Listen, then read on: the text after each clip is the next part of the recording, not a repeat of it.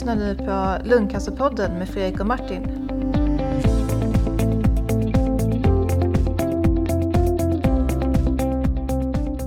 Hej och välkomna till Lungcancerpodden. Ja, nu är det, blir det faktiskt sista avsnittet av Lungcancerpodden för det här året. Men vi tänkte att vi skulle eh, sammanfatta det här året. Hej också Martin förstås. Halloj! Hej! Idag ska vi göra årskrönika. Precis som alla andra program med lite självaktning. Ja, just det, precis. Eh, det blir en sorts liksom Agnetas nyårskarameller fast inte, inte liksom bara roliga saker. Men, men vi tänkte vi skulle gå igenom eh, avsnitten som vi har gjort 2017 här bara lite snabbt och, och ge en liksom eh, ja, någon sorts överblick där. Och, och det bästa och sämsta förstås med, med förra året. Eller det här ja. året. Just det. För det är fortfarande 2017. Ja, nej men eh, ja, vi började ju där eh, helt enkelt. Eh, du, jag måste börja med att säga en rolig grej. Ja, att vadå? Jag har alltså regression igen. Snyggt! Yes! Fan vad skönt. Ja, jag, och jag, det var så här att i början av det här året, 2017, så fick jag börja få progression då. Då var jag på eh, cytostatikabehandling. Eh, och nu, eh, men nu så det sista man gjorde för mig i Lund det var att sätta in mig på en studie och eh, jag hamnade på en ny EGFR-hämmare eh, som nu för övrigt är godkänd tror jag eh, för alla. Precis. Ja, inte för alla, men med de som uppfyller kriterierna kan man säga. Ja, just det. Just det. Eh, molekylärbiologiska kriterier ska jag säga också. Ja, okay. Vi kanske kommer in på det senare. Ja, just det. Eh, och, och, precis, och jag har ju EGFR-mutation då. Eh, men och jag har svarat bra på den där. Eh, så att eh, nu jäklar, nu är det regression igen. Och, eh, ja, det känns jäkligt kul faktiskt. Vilken det... schysst julklapp, tidig ja, julklapp. Ja, verkligen. Det är tredje gången som man slår tillbaka nu. Så att det ja. är riktigt härligt. Fan vad skönt. Jag tror att det är ganska många som, eftersom vi kommer, kommer ut med program så sällan så hinner folk bli nervösa. Min mamma brukar alltid fråga sig, hur är det med Fredrik? Är det därför ni inte sänder sig? Nej, det är jag som är så himla trött och seg och har för mycket att göra. Så. Ja, och nu sen förra avsnittet då har man ju hunnit med och varit, haft en riktigt rejäl förkylning också. Det har varit, eh, ja, det har varit mycket här under hösten. Det blir sådär. Mm. Hm. Men du, i, i januari där i alla fall, vi började med att träffa Roger Henriksson i avsnitt 29 Just det. Eh. Professor Henriksson från Umeå, tillika chef för RCC i Stockholm, Gotland va? Ja, just det. Det tyckte jag var jäkligt spännande. Han har ju så lång erfarenhet där av, av eh, liksom, eh, lungcancervården och har, jag menar 20 år. Va, kunna se på det perspektivet otroligt mm. ju.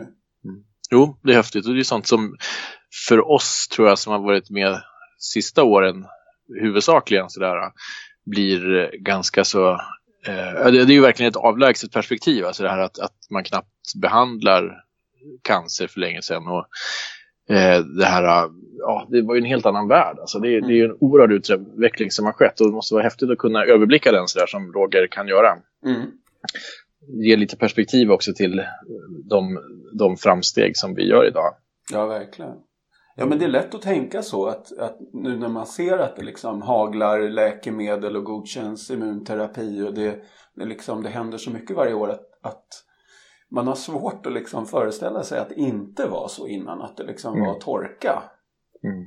Jo, verkligen. Samtidigt så ska man ju säga, alltså, och det inser man också, det är lätt att bli blind för det också. Det klagas ju jättemycket på svensk vård och, och ja, möjligheten att få läkemedel och sådär. Eh, men jag var och föreläste i Baltikum, i, i, jag tror att det var Estland. Jag är så himla dålig på att... Est, eh, jag var i Riga, är det Estland? Nej, det är, det är fast en Lettland. Jag var i Lettland. förlåt, förlåt alla eh, eventuella baltiska lyssnare. det är som kungen, kära örebroare. Så är man någon annanstans. ja. Hur som helst alltså, föreläste jag där angående immunterapi och sådär eftersom vi har kört på det nu de senaste åren i Sverige och i Norden eh, generellt. Men i, stora, eller i Baltikum så använder man i princip inte immunterapi för lungcancer alls och inte för melanom heller som vi ju tycker är en fullständig självklarhet i dagsläget. Och även de här preparaten, målstyrda preparaten mot EGFR och ALK, de är inte heller godkända för, de är godkända i Europa men de är inte godkända för statlig subvention. Så att mm. patienter i, i Baltikum får inte de här preparaten vilket ju känns oerhört med våra ögon så att säga. Samtidigt så, så kanske man också ska vända på steken och säga att vi tillhör snarare en minoritet i världen som faktiskt har tillgång till alla de här fantastiska preparaten att, att vi ska vara tacksamma för den vård vi får. Mm. Eh, och, och det, ger också, det är ju lite grann det perspektivet som, alltså de, de befinner sig kanske 15-20 år efter oss på vissa delar alltså. Och det, och det, är ju bara några, det tar ju bara tre kvart att flyga dit. Ja. Att, ja. ja, det är otroligt att det skiljer så stort i mm. olika delar av världen. Eh, fubbigt kan man tycka, men vilken tur att man bor i Sverige. Det är ju verkligen... Ja, det får man ju lov att säga faktiskt. Ja. Det, här har vi ju varit riktigt med på tåget, ja. får jag lov att säga, sista åren. Ja, nej men precis. Rogers, samtalet med Roger var spännande. Han har ju dessutom slagit in på lite nya vägar och genom sitt arbete i regionala cancercentret och liksom tagit steget vidare från sjukdomen till preventionen också. Jobbar ju mycket med att försöka utbilda kring rökavslut och att försöka få fler att komma in och faktiskt eh, i tid besöka doktor och så vidare. Mm. Så att, eh, och det, det arbetet ska man ju inte underskatta. Det är ju jätteviktigt och någonting som vi kanske liksom mer och mer får börja eh, sikta på nu när vi kanske får lite mer kontroll över själva utvecklingen vad gäller eh, medicinsk eh, behandling och så. Ja, precis. Mm. Otroligt. Sen, sen så kom vi vidare där på ett, ett eh, sånt här eh, snackavsnitt som jag brukar säga. Men, men eh, vi pratade lite semmelwraps, grillning, cancerkongresser och lite, det var ett litet uppläggsavsnitt inför året så att säga. Just det, den, den andra februari tycker jag var ganska tidigt att prata grillning men det, det är klart att det är alltid ett aktuellt ämne. Det gäller ju att hålla liksom, den där flaggan i topp och liksom, kan man inte grilla ute får man grilla inne nästan. Exakt, absolut. Eh, man ska, ja, precis. Och om man går in på hemsidan och kollar där så finns det recept på semlor som man kan kolla på inför. Det, det, är ju bara typ två månader kvar till semmeldagen. Ja, den 13 februari 2018 så är det semmeldags och då, det, då får man stå hemma och göra de här fina wrapsen tycker jag. Precis. Otroligt goda. Mm. Ja, sen så, sen så kom vi in på det som du nämnde alldeles nyss, progression. Just det. Eh, ja, det är ju... Det, man hamnar ju på något sätt i en, i en rätt... Eh, det känns ju tråkigt liksom när det går åt fel håll och man, man liksom hamnar i ja, några andra tankemönster liksom. Mm. Eh, men jag tycker det där, det, det är så jäkla viktigt eh, att försöka tänka liksom att nej men hur fanken ska jag liksom slå tillbaka det här? Mm. Eh, och börja liksom tänka positivt och leta lösningar och så. Eh, ja, det är, det är för jäkla tråkigt med progression. Men det är, då är det en möjlighet att slå. Då får man se så liksom på något sätt. Mm. Jo, det där är ju, du är ju fantastisk på att lyckas vända det där till någonting ändå någonting konstruktivt på något sätt. Så äh, jag kommer ihåg, jag, jag kände mig ju när, när, när du eh, berättade det här att, att man hade sett att det hade börjat röra på sig så kände jag mig jätteorolig för dig såklart. Ehm, och, eh, men, men eh, som sagt var, du är ju enorm på att foka på, på ja, men då är det bara, då, då är det ännu viktigare att jag jobbar på och tar reda på fast jag ska göra nästa steg här. Ja, eh, så att, eh, ja, och det har du ju verkligen gjort.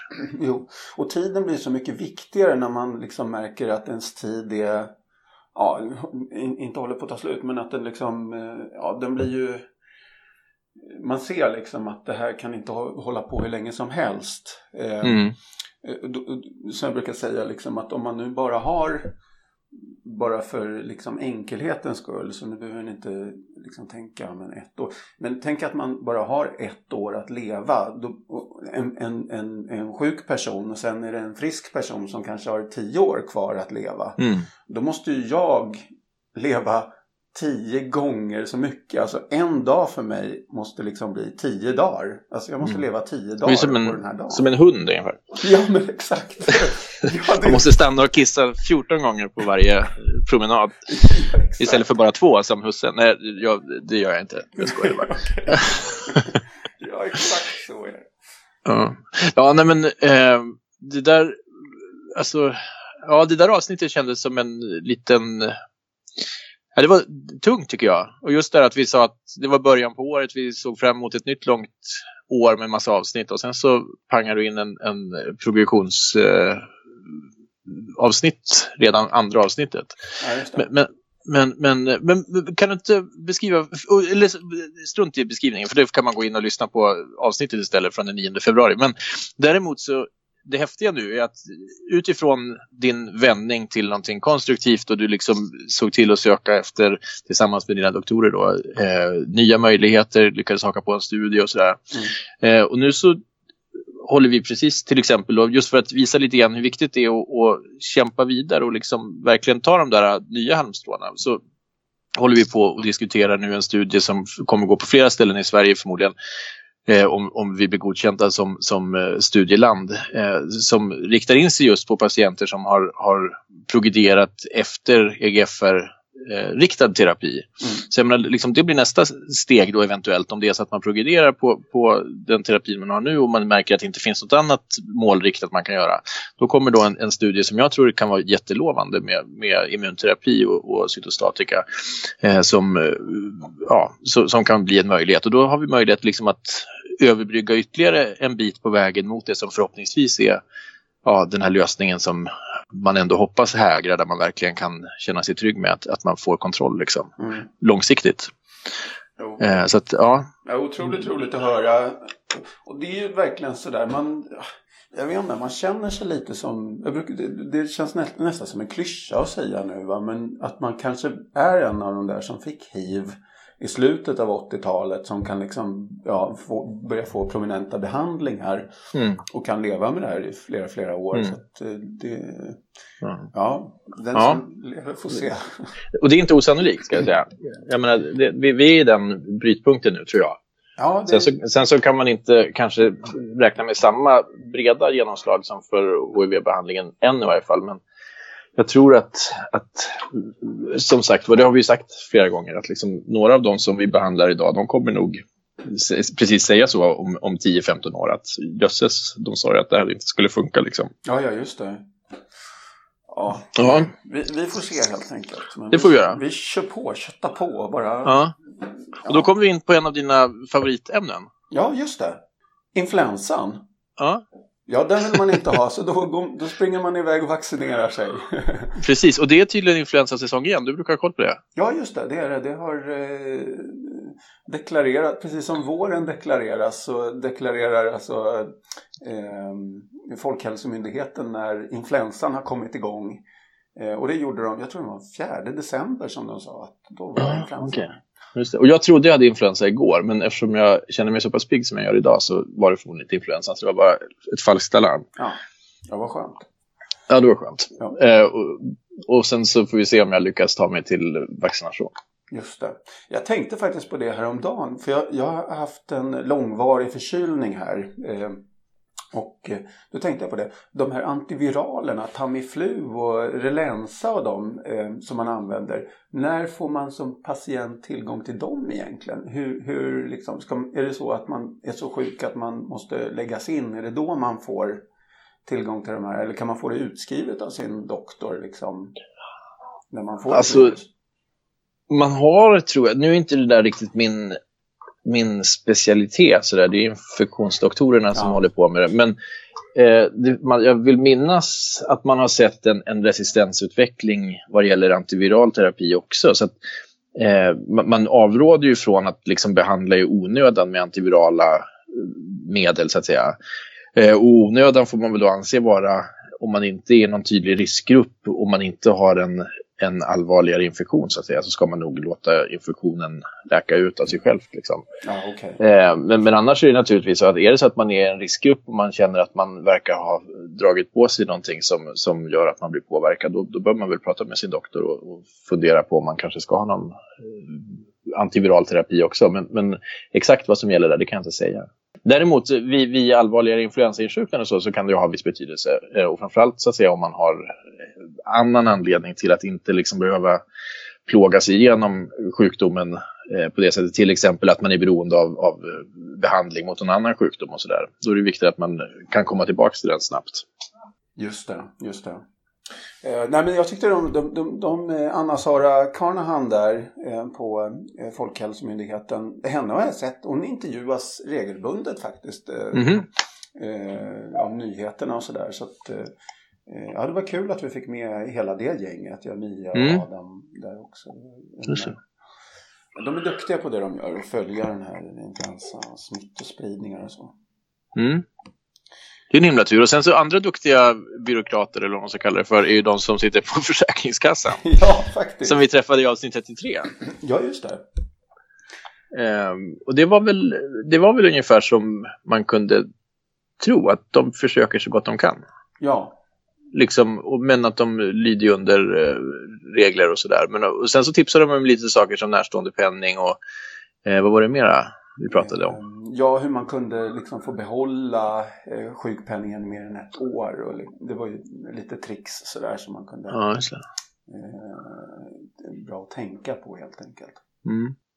Ja, och det där är ju, det är ju liksom lite grann en djungel som man inte är riktigt varse förrän man tvingas tampas med den. Och ofta tycker jag väl ändå att det brukar kunna lösa sig ganska bra för de som drabbas av allvarligare sjukdomar. Men, men ibland så känns det som att, ja, att det kan strula och då kan det ju vara extremt jobbigt just att tampas både mot en, en allvarlig sjukdom och eh, med allt vad det innebär av ja, kaos i livet. Liksom. Och sen så dessutom eh, vara tvungen att tampas med en, en eh, byråkrati som kan vara ganska påfrestande. Mm, verkligen, verkligen.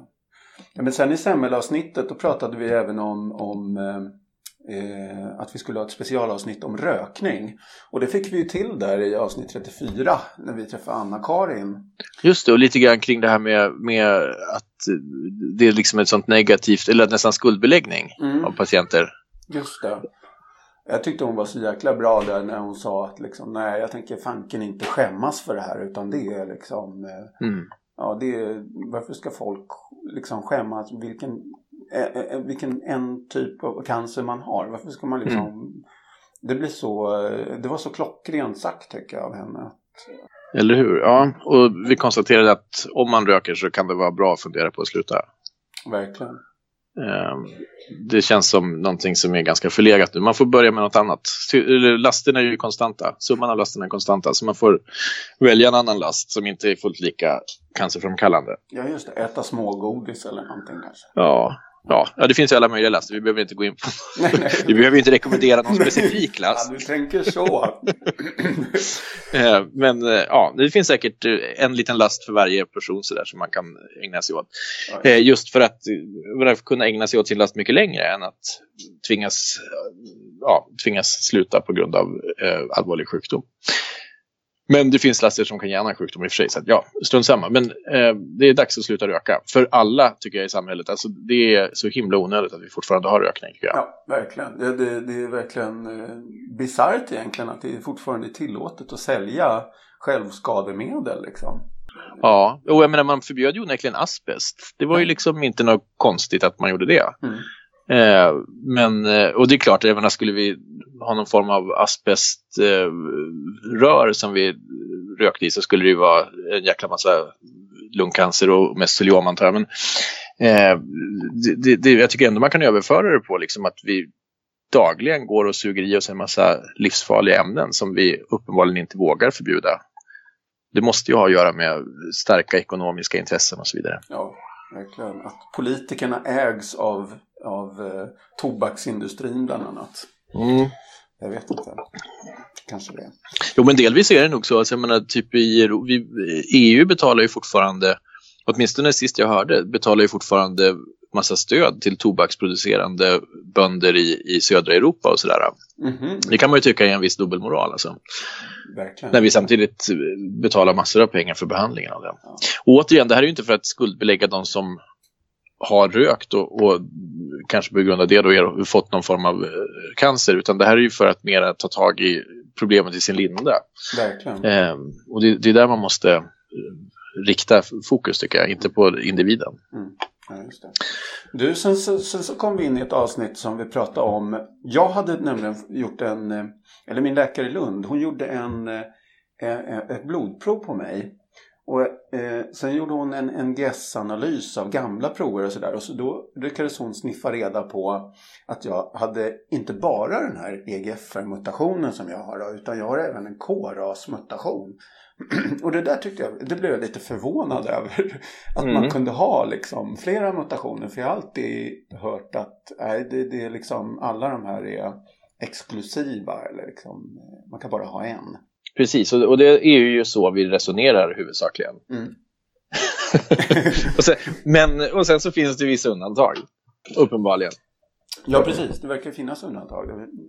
Eh, och det där har nog att göra med, alltså, jag menar, allt eftersom utvecklingen blir vassare också så kommer vi säkert att se att vissa av de dogmer som vi har levt med nu under den här tidiga eran av eh, molekylärpatologin kanske kommer att, att eh, man får omvärdera delvis. Eh, det är nog så att majoriteten bara har en, en driver eller en, en anledning till om man har så att säga en tydlig driver i sin tumör att, att, att den förmodligen är, är ensam om att driva tumörer. Men, men med tillräckligt djupa analyser och sådär, tillräckligt att man analyserar DNA tillräckligt noggrant så kan man säkert se att det finns kloner i tumören som kanske har andra drivers också. Så, så mm.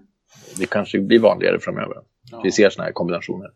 Ja, spännande. Nej, hon såg faktiskt också lite förvånad ut. Det var inte... Mm. Eh, eh, hon var inte liksom... Ja, hon hade inte heller sett det så mycket vad det verkar. Mm. det var ju häftigt.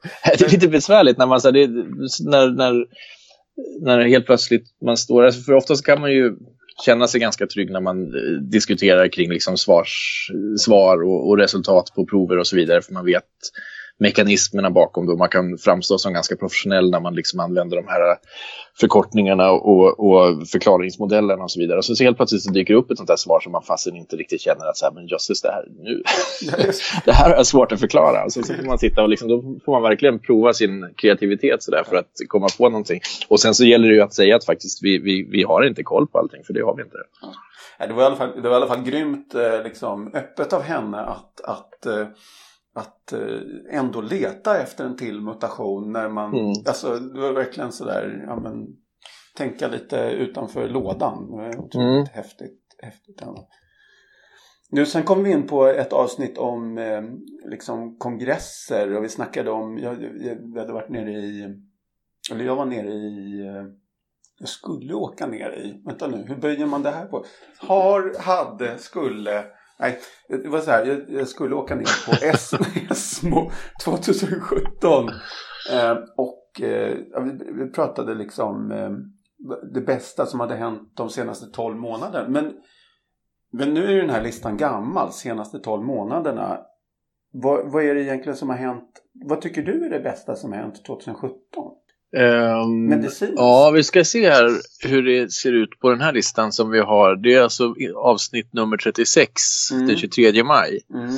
Eh, och som etta på den listan, och den tror jag faktiskt är etta på listan fortfarande. För då i maj där, då hade godkännandet för immunterapi i första linjen för de patienter som har ett högt uttryck av det PDL-proteinet på, på, cell, eller på tumörytan. Ja, det. det godkännandet hade kommit och det tycker jag nog fortfarande är det häftigaste som har hänt i år. Alltså, det, det är liksom en helt ny klass av läkemedel som kommer in och visar att de faktiskt är bäst för vissa patienter. Det är lite grann som det här när vi fick eh, de här eh, mål, målriktade terapierna i första linjen. Att, att ja, man får ett till ben och, och vila behandlingen på. Så det tycker jag, det, det står kvar som min etta tror jag. Mm.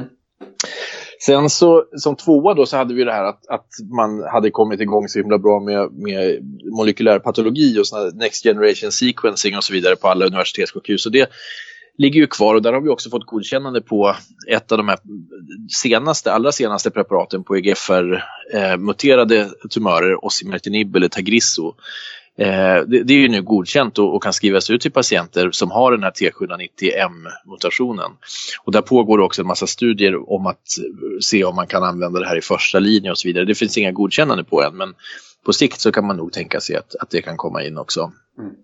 Eh, så att eh, just det här med och, och, de nya målriktade terapierna som har kommit, där, där kom det också ett, eh, ett, ett godkännande på ett nytt preparat för ALK-translokerad eh, cancer som heter Alecensa eller Alectinib och som visade enormt bra resultat Eh, både när man har fått progress på den, på den tidigare preparaten, men sen så har det också kommit, jag skulle tippa på att till och med godkännande kanske, alltså det marknadsgodkännandet i Sverige kommer på första linjen innan det här podden har släppts. Eh, wow. så att, eh, och där, där, såg man en extremt stor fördel för patienter som fick det här Alecensa i, i första linjen mot alktranslokerad cancer istället för de äldre preparaten. Det rörde sig om mer än dubblad tid för, för eh, innan tumören började röra sig på sig och, och hitta resistensvägar och sådär. Så det, var, det, det är riktigt häftigt. Eh, som trea på den gamla listan så hade vi att den här studiedatabasen hade öppnat och, och det är väl kul. Eh, men jag tror att den halkar ner lite grann nu.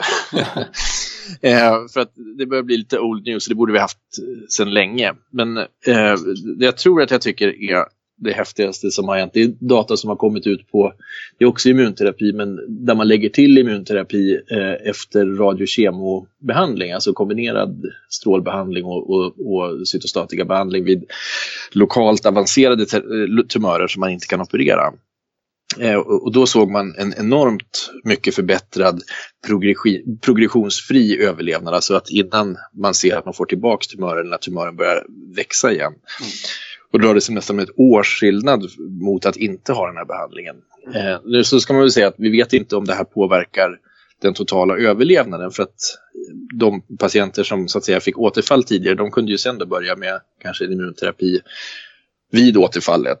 Men, men det är ändå, jag tycker att det visar på en otrolig potential och jag, jag tror att det här kommer att, att, leda till ett godkännande om inte allt för lång framtid. Och det tror jag blir väldigt positivt för många patienter. Ja, Så då, den studien, Pacific-studien, det, det, tycker jag också är liksom lite grann av en kioskvältare i år. Häftigt. Jag så, det, hade, det har kommit och det har alltså godkänts även. Vad är det, ett nytt immunterapiläkemedel i år? Eller är det två? Um, nu måste jag, ja, det är åtminstone ett. Mm. Det finns en, en PDL-1 eh, en PDL som är på gång ut, till Centric eller eh, Atezolizumab, eh, som, som eh, har godkänt av Europeiska läkemedelsverket men, men det är inte godkänt än, tror jag i alla fall, vad det gäller att, att för försäljning i Sverige.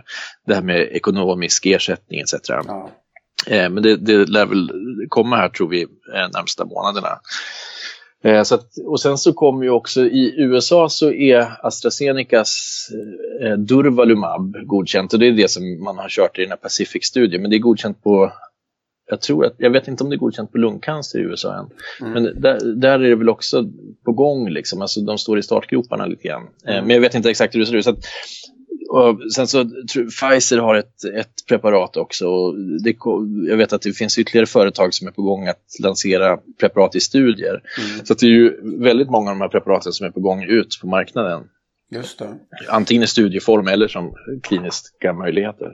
Otroligt häftigt att det liksom finns eh, alternativ och att det, ja, Mm. Jo, förhoppningsvis så blir det lite konkurrens också så att priserna kanske går ner en smula. För det har ju varit just, alltså det, det är ju, ja, okay. även om jag tycker att man kan motivera priserna många gånger, för det gör väldigt stor skillnad för patienterna, så är det ju ändå så att fler och fler patientgrupper kan få möjlighet att använda de här preparaten och någonstans så tror jag att det kommer bli tajt att betala de priser som det som, som man, man tar idag. Eh, och förhoppningsvis så kan liksom en sund marknadsekonomi kanske pressa ner priserna lite grann. Ja, det. Eh, för det är klart att det känns ju som att företagens intäkter borde öka i och med att eh, fler patienter kan behandlas. Så att säga. Då borde man kanske inte behöva samma av avans på varje enskild dos. Så att säga. Jag vet inte hur det funkar riktigt det där, men, men det känns rimligt att, att eh, priserna går ner lite grann för det har varit extremt eh, dyra preparat som har kommit på slutet här. Och det, det, är ju inte så att vården liksom badar i pengar som det är. Så det, det vore nog bra att få lite bättre möjlighet att pressa priserna där kanske. Ja, ja just det. Det har vi sett i nyheterna, den här eh, små småbarnen som eh, lider av här muskelnedbrytningssjukdom. Ja, det. Där varje dos, eller ja, där ett års behandling kostar 800 000 eller vad det är. Det, mm. Alltså det blir verkligen det drar iväg så det sjunger om det och samtidigt så har man ju liksom inte hjärta att liksom neka dem det. Det blir nej, så, nej. alltså man, där har det verkligen dragits till sin spets där med prissättning på läkemedel. Och det blir otroligt Jo. tydligt vad... Absolut. Jo, och eh, där har man ju lite specialregler med såna orphan drugs och sådär. Så att man kan ta ut såna här eh, galna priser liksom kan man tycka för enskilda preparat. Men det är ju just det där att utvecklingskostnaden för ett preparat kan ju vara i princip lika stort. Även om det så att säga bara är ett extremt fåtal patienter som, som kan behandlas med ett preparat. Mm. Eh, Så därför måste man ju liksom få ut eh, då eh, få tillbaka sin, sin, de pengar som man satsar i de här studierna på, på väldigt få patienter. Så det, det är ju viktigt att man kan Och man har, få bara tio möjlighet år, att... man har bara tio år på sig va? För sen kommer det generika. Ja, åtminstone med de flesta droger. Men sen så med, med de här orphan drugs tror jag det finns lite regler som, tror jag, jag det där är inte alls min expertis alltså, men, men jag tror att det finns, man, man, och det är just för att om det skulle vara så att att det bara var tio års möjlighet att, att få tillbaka investeringarna och sådär, eh, så skulle ju ingen våga satsa på att, att forska på de här sjukdomarna där det liksom insjuknar kanske fem patienter i Sverige per år eller Mm. sånt där. Det liksom skulle ju vara omöjligt att få, få tillbaka pengarna. Så, att, eh, så det är ju bra och där, där tror jag egentligen inte att man ska, alltså vi får inte stirra oss blinda på kostnaden per dos så att säga, utan det måste någonstans bli liksom kostnaden för samhället. Och, och där blir det ju extremt kostsamt då med ett preparat som kanske kostar en tiondel så mycket per månad eller så. Ehm, och det, ja, just det, ja, det blir nästan det alltså, för immunterapierna till exempel. Eh, men där det är tusentals patienter som varje år behandlas liksom bara i Sverige och då, då kommer man ju få en ganska stor mm, kickback vad det gäller investeringen eh, rätt så snabbt ändå. Så att, ja, men, återigen, det där är ju inte riktigt eh, min, min expertis, ska jag ju glatt erkänna. Jag är glad över att jag slipper Men du, din, exper- din expertis ändå, det är ju att åka på, eh, jag menar, och delta på kongresser, får man säga. Ja, just det. Ja, jo, var där är jag lite grann av en räv vid det här laget. Ja. För du var ju på ASCO där i Chicago. Ja. Eh, Och det var bra, eller hur? Det var bra. Ja. Eh, man kan väl säga generellt sett, så trots att vi pratar om en massa positiva händelser under året så har det inte varit några sådana här Mm. enorma kioskvältare på de traditionella kongresserna.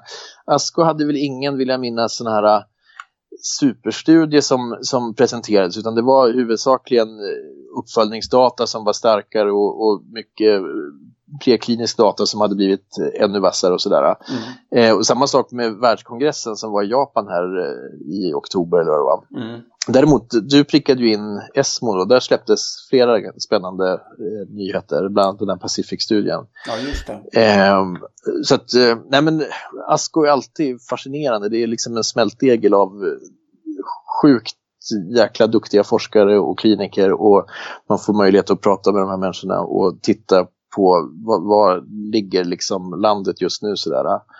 Eh, Så det, det är enormt viktigt att, att eh, kliniker har möjlighet att åka dit. Men roligt Tycker jag. också att höra andra eh, liksom, cancerområden eftersom det är inte Mm. bara lungcancer. Att man får höra liksom, ja, men hur det går för, för eh, malignt melanomgruppen eller liksom vad de, hur de resonerar och liksom Verkligen. Ja, ja. Jo, och så just att det börjar integreras mer och mer också. Så Mm. Många av de här symposierna för immunterapi till exempel, de lockar ju besökare från många eh, tumörgrupper. Mm. Eh, just för att det, det funkar på så många tumörgrupper. Det är inte så tumörspecifikt så att säga. Ja.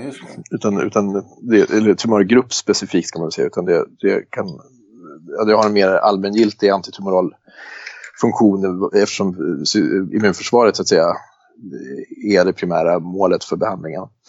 Ehm, så att, ja, nej men eh, Asko är, är en fantastisk upplevelse som ja, den bidrar jättemycket. Även om det inte är några sådana här kioskvältare så liksom är det alltid det bästa av det bästa liksom där. Du, sen följde vi med dig på en vanlig dag. Det tyckte jag var jättespännande för man, har liksom en uppfattning om eh, alla liksom, grejer ni håller på med också. Utan man träffar er på läkarbesöket och sen så, ja, det är det liksom. Det är det man tror att ni gör hela dagarna helt enkelt. Ja, vad kul att du tycker att det låter trevligt. Själv så får jag lite, det är inte direkt så att jag känner att jag går igång när jag såg det här lungläkarens dag. Det var liksom att jag fick någon sån här spänningsöverdos. Liksom. Men, eh, nej men du har rätt, alltså när vi pratade om det där så, så tror jag att jag började se att jag faktiskt brann för ganska mycket. Ja, faktiskt. Eh, och det, men det är just det här, alltså möjligheten att, att att göra någon form av skillnad är ju helt otroligt mm. förmånligt att få, få sitta i den positionen naturligtvis. Och det är eh, att, att eh, dela den här eh, kampen eller vad man ska kalla det för. Det var, det var ju för övrigt en diskussion, det var någon debattartikel i, i DN, jag vet inte, det kanske är någonting som du har någon, att, att det var fånigt att prata om en kamp. Okay. När det gäller cancer. Men jag, vet inte, jag tycker det är ofta en ganska bra liknelse. Men det, jag är ju inte riktigt rätt person att säga det kanske. Ja, jag vet faktiskt inte vad... Eller liksom, det är en... Det beror, det är inte, det beror på vad... Ja, förlåt. Det är inte liksom något stort... Eh, eller det är inte dagens liksom stora kampfokus. för, det, för det kanske är att liksom... Hur fanken ska man hinna med allt annat? Liksom, mm. eller jag vet inte. Mm. Men ja. det är ju det är någon passiv liksom... Det måste hanteras.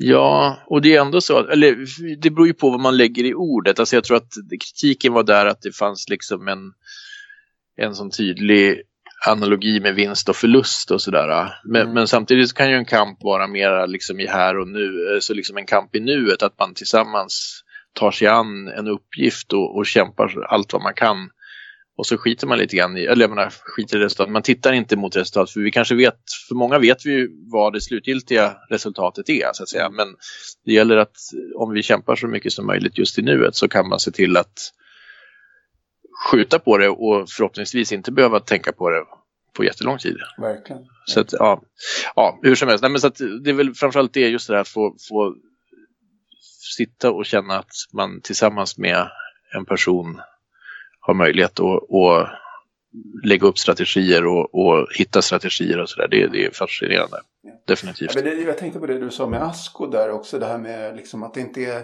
så het data. Men och det, det, det, tänker jag ofta på ibland. När man ser presentationer sådär som ja, men PFS eller progressionsfri överlevnad gick upp med 2,4 månader och att man liksom tycker att ja, men det där, vad, är, vad är det då liksom? Mm. men för någon som bara har ett, ett år kvar att leva då är de där 2,4 månader, ja, men det är 24 procent av det livet. Mm. Eller vad det blir. Jag menar det är rätt mycket. Mm. Eh. Absolut, och jag tror det perspektivet är jäkligt viktigt att att eh, påminnas om. Och det, görs, det gör man ju av, av de som faktiskt vet vad det innebär så att säga. För jag menar, jag kan ju tycka själv att 2,4 månader, liksom. nu är det förhållandevis mycket i, i, i lungcancerstudier, åtminstone traditionellt, men, men det är ändå så att liksom, det känns lite, när jag kommer och säger så här, ja med det här, då kanske man kan vinna 2,4 månader, då känner jag lite grann så här att ha, alltså utifrån ja. mina egna perspektiv så känns det ganska fjuttigt liksom. Alltså att, är det någonting att komma och yvas över? Men just det där att få höra från någon som faktiskt vet vad det betyder. Att säga, men för mig betyder det hur mycket som helst och, och jag tar det glatt liksom. Så, ja. så, så, kan man omvärdera den här 2,4 månader lite grann. Och jag tror det är viktigt att, att man som läkare faktiskt uppmärksammas på det ibland. Att, att de här 2,4 månader, det är fan inte kattskit. Utan det, det kan vara skillnaden på, jag menar, eh, jag menar ja, det ja. kan vara jul, julfirandet och, och semmelrapsen liksom. Ja, absolut. Som man, som man får med liksom. Och, och det är fan inte att förakta. Verkligen så. Du, sen var, sen var vi i Almedalen, eller du, du hade åkt på något där. Så att, eh, men, men jag och Mikael Johansson från Umeå eh, var. Han var sylvass i det sammanhanget och vi hade ett, ett bra liveavsnitt där från Almedalen. Mm. Eh, så att, eh, det var jättekul att och, och liksom göra lite fältarbete också, eller man ska säga. Mm, ja, det är häftigt det där att, att det kommer upp på det, den nivån. Liksom. Mm. Det är ändå lobbas lite här, här och därifrån och finns med på en massa eh, programblad för Almedalen och sådär. Att, att många faktiskt uppmärksammar det, det är ju superhäftigt. Ja, verkligen. Jo, var... Och så få med en eh, big shot som Mikael Johansson, liksom, det är inte illa. Ja, ja, precis. Verkligen. Ja. Det var, eh, jag tror inte det var första gången jag träffade honom. Vi har träffat eh, några gånger innan och sådär. Men, mm. men Nej, han är jäkligt duktig alltså, det får man Mm. säga. Eh, Ja. Så det var roligt. Eh, och sen så gjorde du och jag ett addendum till den där och liksom fyllde på med, med, med det vi missade egentligen. Från scenen. Just det. Eh, Och när var det? Det var första september. ja, precis. Ja, just det. Och då hade jag varit ute och åkt husvagn, så jag var väl helt uppfylld av det. Ja, ja, Eh, jag var ju som frälst.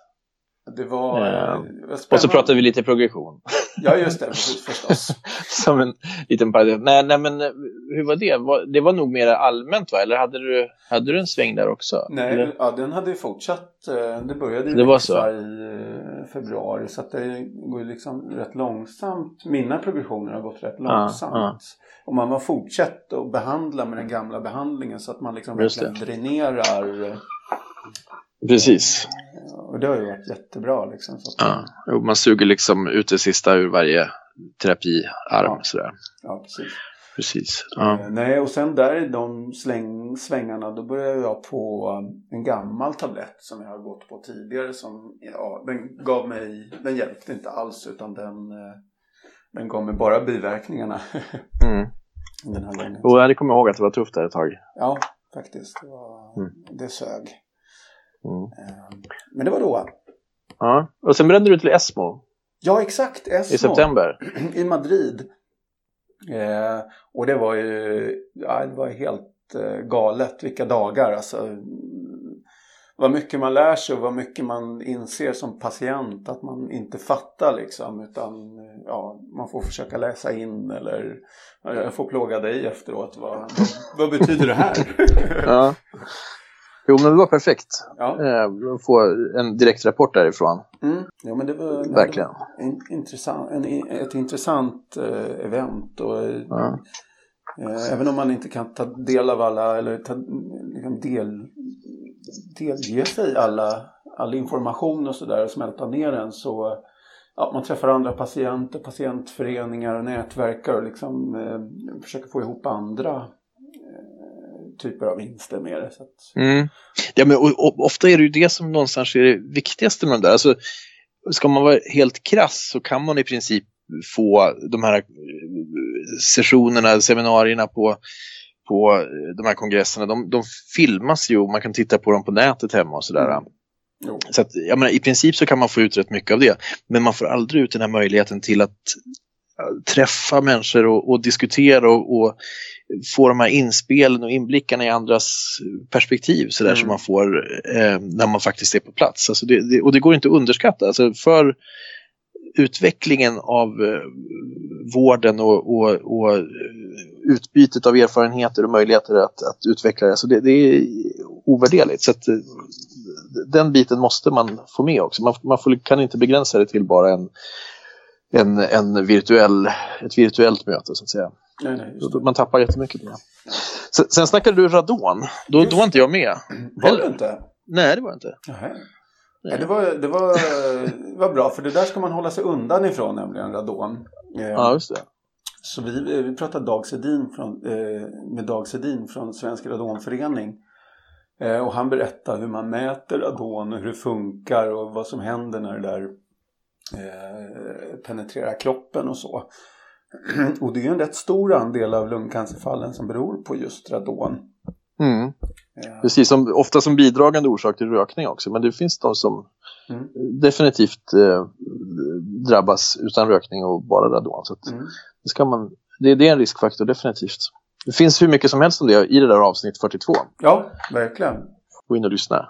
Och sen så var det en patienthistoria, Just avsnitt det. 43, Mm. som jag tyckte var oerhört fascinerande. Ja, det var verkligen. Marie var så jäkla bra på eh, och liksom lugnt och sansat berätta om man kunde följa med hela den här historien. Ja. Också en sån där som eh, kan leva Ja, på något sätt. Som man blir så himla... Man borde gå i kurs ja, faktiskt. Jag håller med. för att lära sig hur man ska ta tillvara på alla saker som är positiva och bra. Och så. Det är alltid lika fascinerande tycker jag att höra det där. Det blir alltid så... Ja, det är otroligt, otroligt starkt. Mm, mm. Du, sen var det Yokohama för dig. Eh, Just det. och världskongressen om lungcancer där.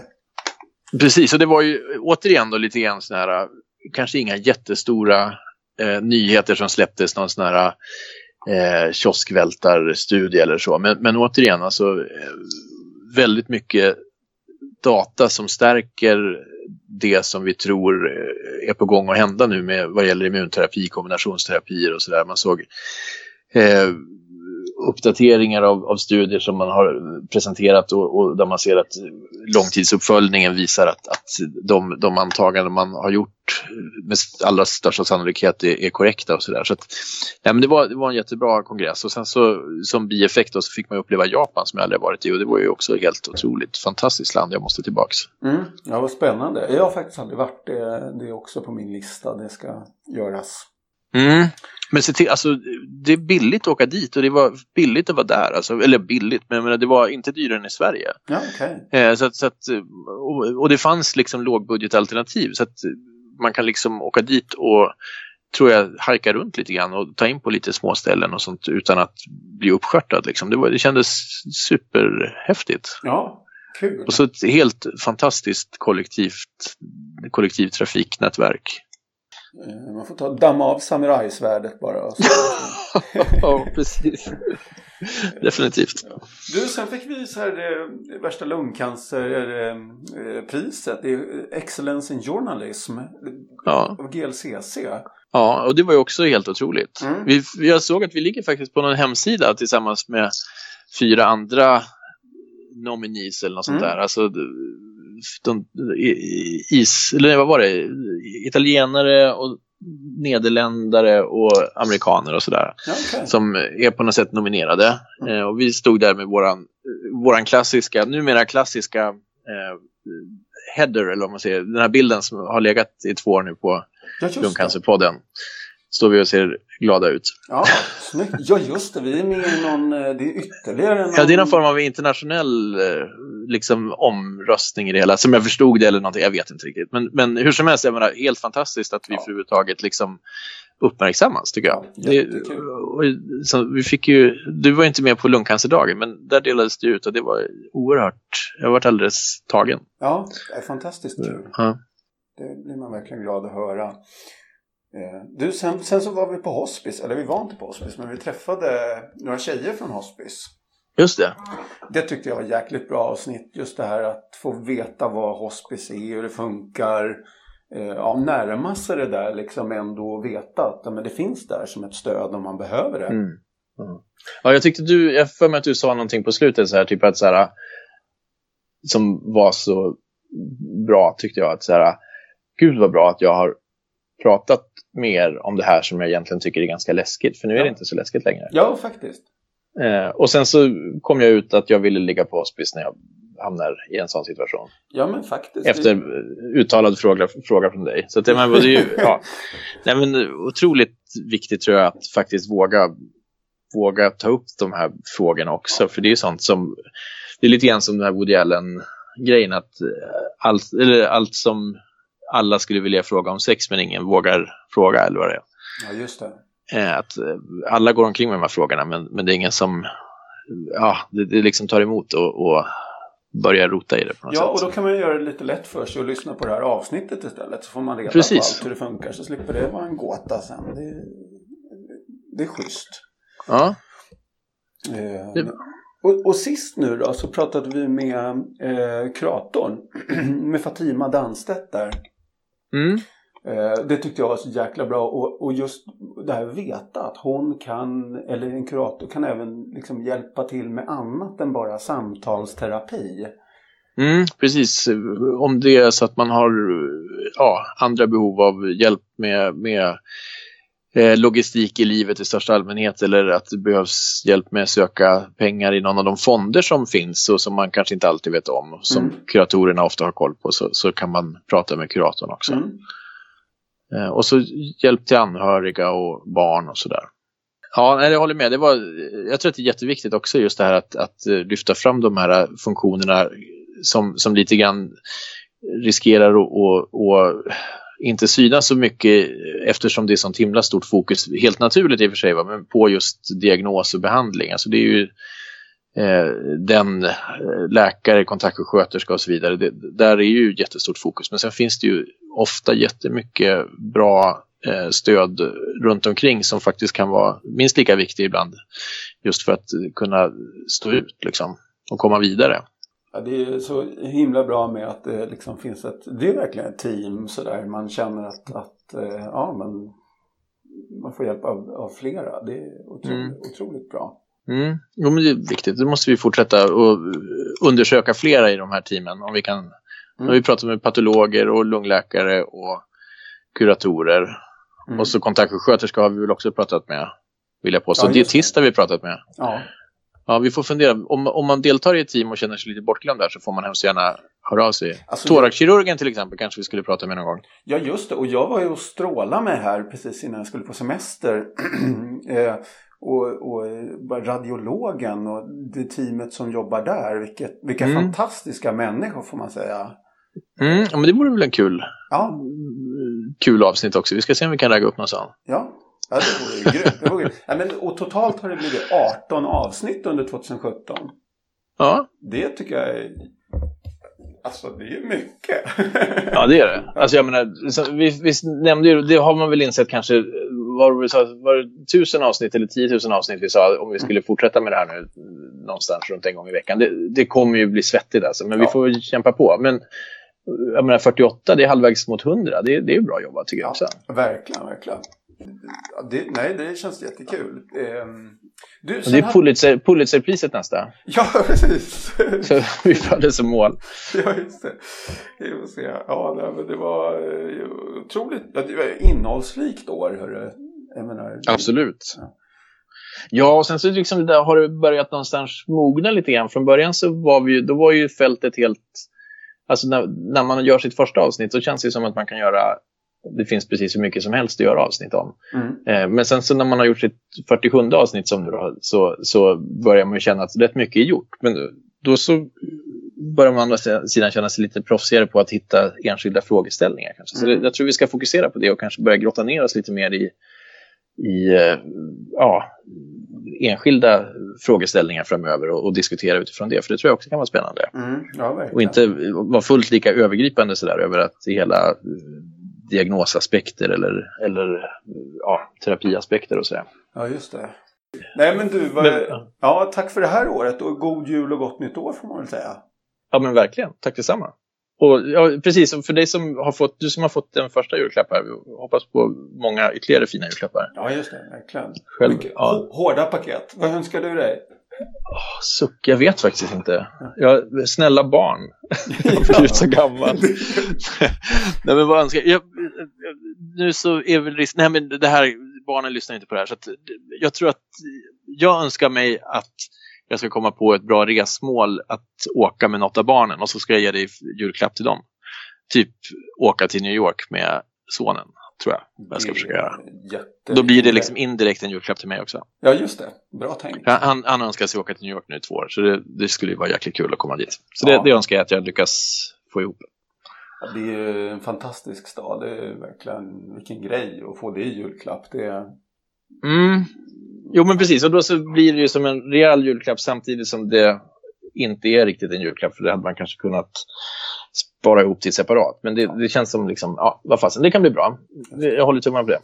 Kul. Själv önskar jag mig eh, en, en, eh, lite lego och sånt där som man önskar sig när man var liten men man aldrig fick. Okej, okay. mm, alltså typ te Lego Techno? Ja, Eller... precis. Du vet en X-Wing från Star Wars. Eller en sån här ah, Imperial cool, okay. Destroyer eller någonting. Jag brukar alltid ah, sitta och bygga någon Lego-bygge på julen. Sen placerar jag det där på min, min sons rum så kan folk tro att det är han som har byggt. Så ja, just det. Vilket... skämmas liksom. Precis, men, ja, jösses.